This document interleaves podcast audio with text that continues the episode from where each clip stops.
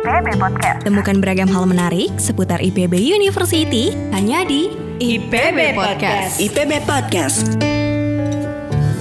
Assalamualaikum warahmatullahi wabarakatuh. Hai Sobat IPB, kembali lagi di IPB Podcast bersama saya Zahra Zahira. Nah, Sobat IPB, berdasarkan surat keputusan rektor nomor 328 tahun 2021 terjadi transisi atau perubahan dari uh, Fakultas Kedokteran Hewan menjadi Sekolah Kedokteran Hewan dan Biomedis. Nah, ini tentunya menjadi pertanyaan besar bagi Sobat IPB dan bagi saya juga. Nanti kita akan membahas seperti apa latar belakangnya, kurikulumnya seperti apa, dan akan dibahas langsung bersama Dekan Sekolah Kedokteran Hewan dan Biomedis, Profesor Denny Noviana. Halo Prof, apa kabar? Alhamdulillah baik Mbak Zara. Sehat ya Prof ya? Alhamdulillah sehat. Sehat. Prof gimana kabarnya sekarang ini? Alhamdulillah baik, uh, sehat. Menyesuaikan nama FKH menjadi SKHB perlu waktu ternyata. Perlu waktu. Prof Dedi ini kan uh, menjadi pertanyaan besar. Terus saya juga ternyata sebetulnya baru tahu nih Prof Betul. ada perubahan nama seperti ini.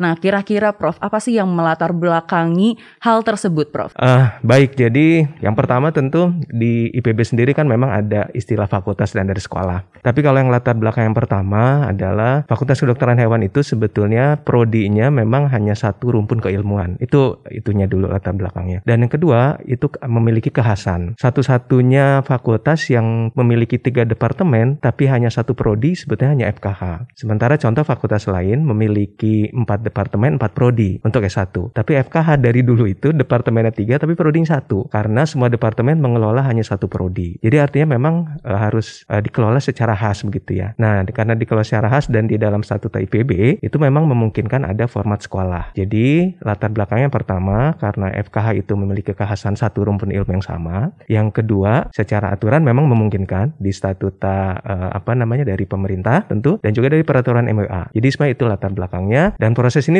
proses yang cukup panjang. Jadi, bahkan dimulai sejak 2018. 2018. 2018. Dan sekarang sudah 2022. 2022. Jadi, wow. uh, pengkajiannya dimulai dari dari tingkat divisi tentunya, tingkat departemen, tingkat fakultas, sampai disetujui tentu di senat ya, senat hmm. fakultas sampai masuk ke ke IPB. Prosesnya dua tahun sampai alhamdulillah disahkan kemarin di akhir tahun 2021 ya Mbak ya, hmm, tanggal 28 Oktober 2021. Baik baik, Prof ya. uh, berbicara ya soal program studi, apakah nantinya hmm. dari yang namanya sekolah kedokteran hewan dan biomedis ya. ada another program studi lagi, Prof? Baik. Ini sebagai clue juga buat sobat IPB yang pada penasaran nih ke Prof. Baik, ini uh, yang ditunggu-tunggu mungkin ya.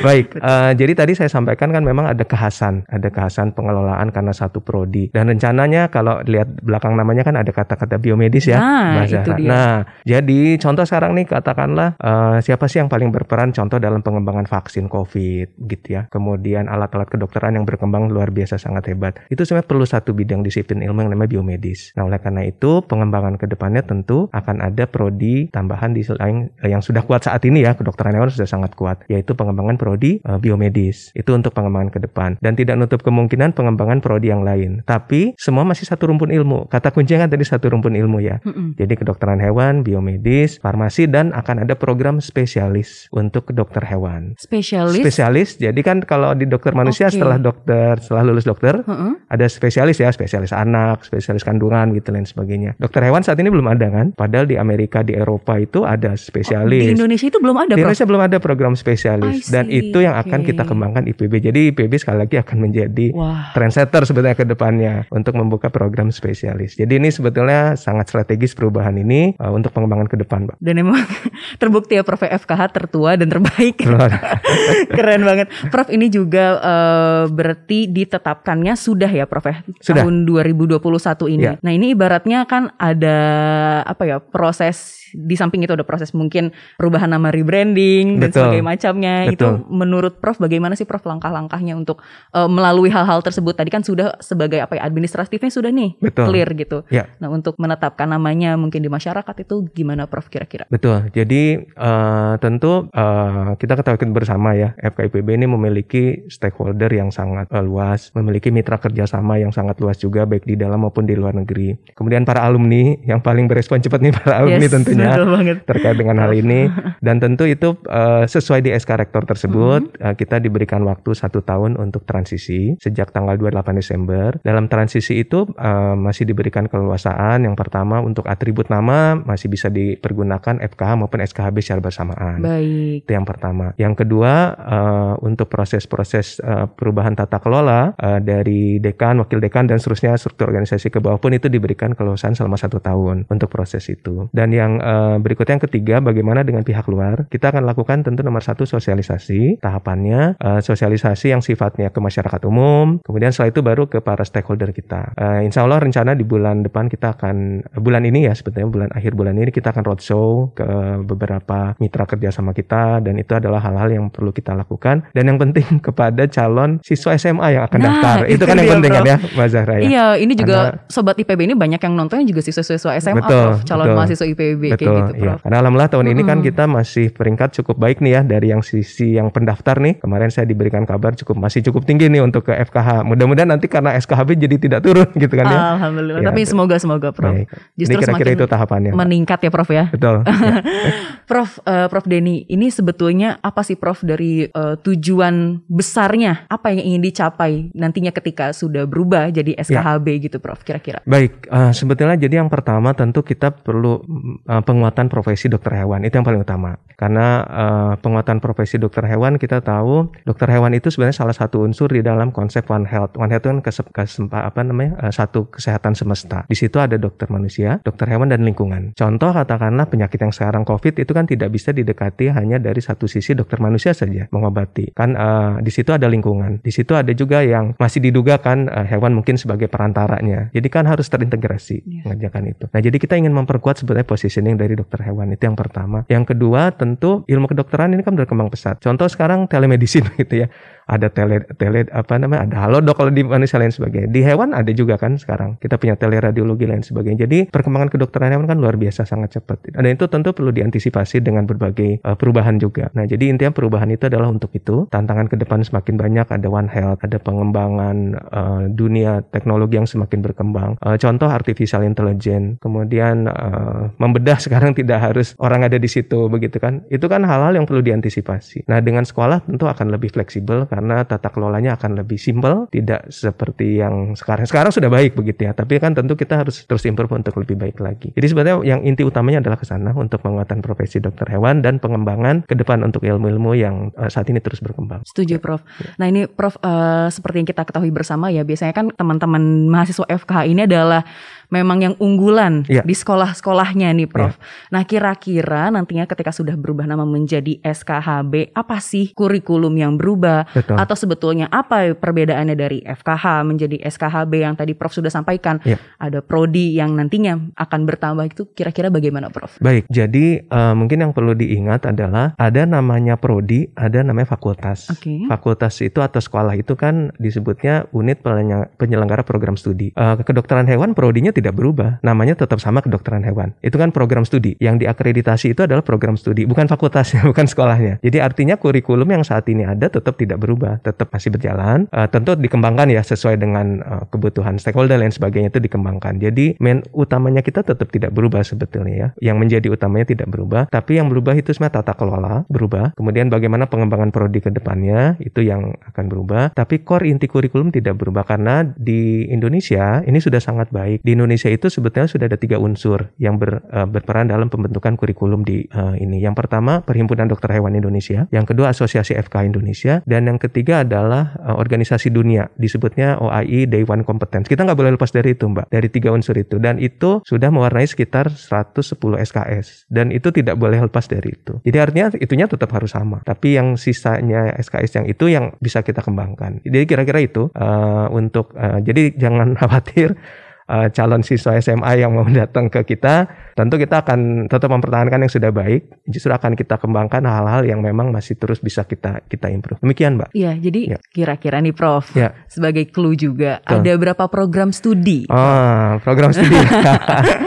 Nomor satu tentu prodi kedokteran hewan tetap Kedokteran ada. hewan tetap itu ada. memang utama. Yang Mm-mm. kedua rencananya dalam eh, tahun depan itu prodi biomedis eh, yang akan di, eh, dibuka. Yang ketiga prodi farmasi itu akan dibuka juga. Dan yang keempat prodi spesialis. Jadi ini luar biasa. Wah, eh, pekerjaan yang pekerjaan sangat tahun ini kita sedang Prof. Siapkan itu semua. Uh, mudah-mudahan biomedis yang akan lebih dulu. Setelah itu uh, mungkin antara farmasi atau spesialis uh, kita lihat dari uh, dari kesiapannya. Gitu ya. Baik Prof, nah eh, nantinya gitu ya Prof ya ketika sudah ada semuanya, Ya. bagaimana kesiapan prasarana, tentunya mungkin laboratorium Ya. gitu ya, stakeholders terkait, itu Betul. kan sebagai penunjang para mahasiswa juga untuk menempuh pendidikan, itu bagaimana Prof dari eh, SKHB sendiri? Iya, eh, terima kasih Mbak. Jadi memang betul pasti kalau bicara tentang satu pengembangan prodi pasti tidak lepas dari sarana prasarana. Jadi saat ini alhamdulillah kalau untuk eh, SKHB yang saat ini existing sudah sangat baik eh, fasilitasnya. Kita punya rumah sakit hewan yang eh, terbesar dan terlengkap juga dan itu tentu menunjang eh, tiga prodi yang akan dikembangkan tersebut. Nah, kemudian yang kedua kita punya dana biaya pengembangan institusi dan fakultas eh, yang rutin kita eh, mendapatkan dana itu dan itu juga tentu untuk peningkatan sarana prasarana kan kita kembangkan. Yang ketiga kita mengembangkan juga melalui skema kerjasama dengan eh, pihak eh, swasta begitu ya maksudnya dengan itu untuk membantu mengembangkan berbagai sarana prasarana yang ada. Contoh alhamdulillah tahun ini eh, kami dapat dana yang lumayan besar mbak sekitar 15,9 m eh, untuk pengembangan eh, contoh assisted reproduction technology. Jadi untuk mengembangkan eh, membantu reproduksi hewan-hewan yang terancam eh, punah dan itu kan eh, luar biasa untuk pengembangan prodi biomedis itu akan sangat bermanfaat. Jadi kira-kira itu beberapa sumber tentu dari dari PB tentu ada sumber ya dan dari kerjasama lainnya juga ada sumber. Dari kacamata seorang Pak Dekan, Ya.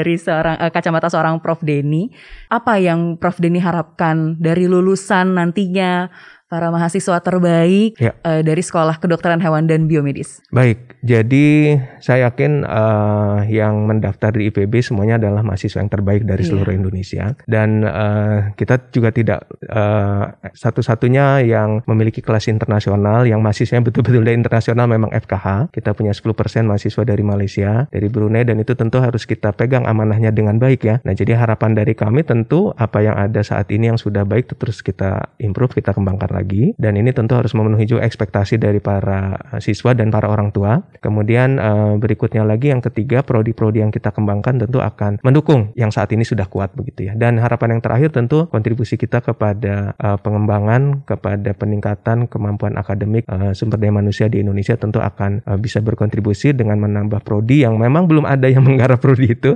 Biomedis belum ada prodi S1 di Indonesia, prodi spesialis belum ada di Indonesia saat ini. Farmasi ada begitu ya, tapi itu tentu akan saling menunjang. Jadi mudah-mudahan eh, harapan besar bukan hanya harapan kami, tapi semua harapan besar dari 105 dosen di eh, FKIPB, 100 tendik, para mahasiswa, mereka luar biasa sangat senang dengan rencana-rencana ke depan kita ini. Tapi sekali lagi memang perlu waktu untuk berubah. Kita tidak berubah-ubah, tapi perubahan itu memang satu keniscayaan. Kira-kira demikian, Mbak. Iya betul Prof. Saya setuju banget nih Prof. Nah kira-kira selanjutnya last question atau Ya. pertanyaan terakhir. Apa harapan dari Prof Denny sendiri dari perubahan yang akan terjadi saat ini dan yang Ya. sedang dikerjakan Prof?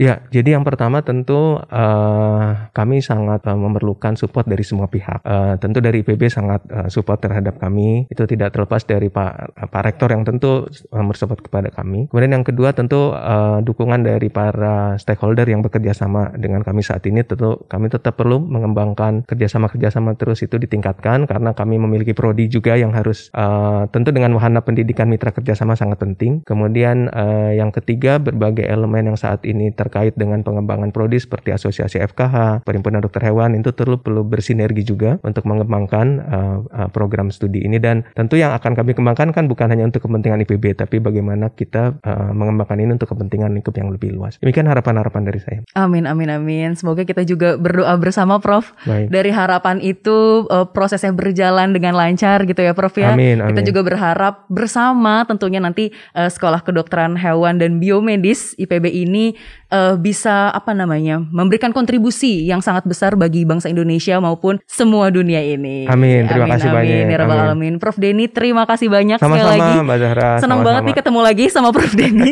berbincang-bincang ini selalu seru Prof kalau ngobrol sama banyak. Prof Denny ini. terima kasih banyak Prof Sama-sama. Denny semoga sehat selalu dan terima kasih banyak tentunya untuk seluruh sobat IPB yang telah menonton tayangan ini. Saya Zahra Zahira, terima kasih. Wassalamualaikum warahmatullahi wabarakatuh. Ragam hal menarik seputar IPB University hanya di IPB Podcast. IPB Podcast.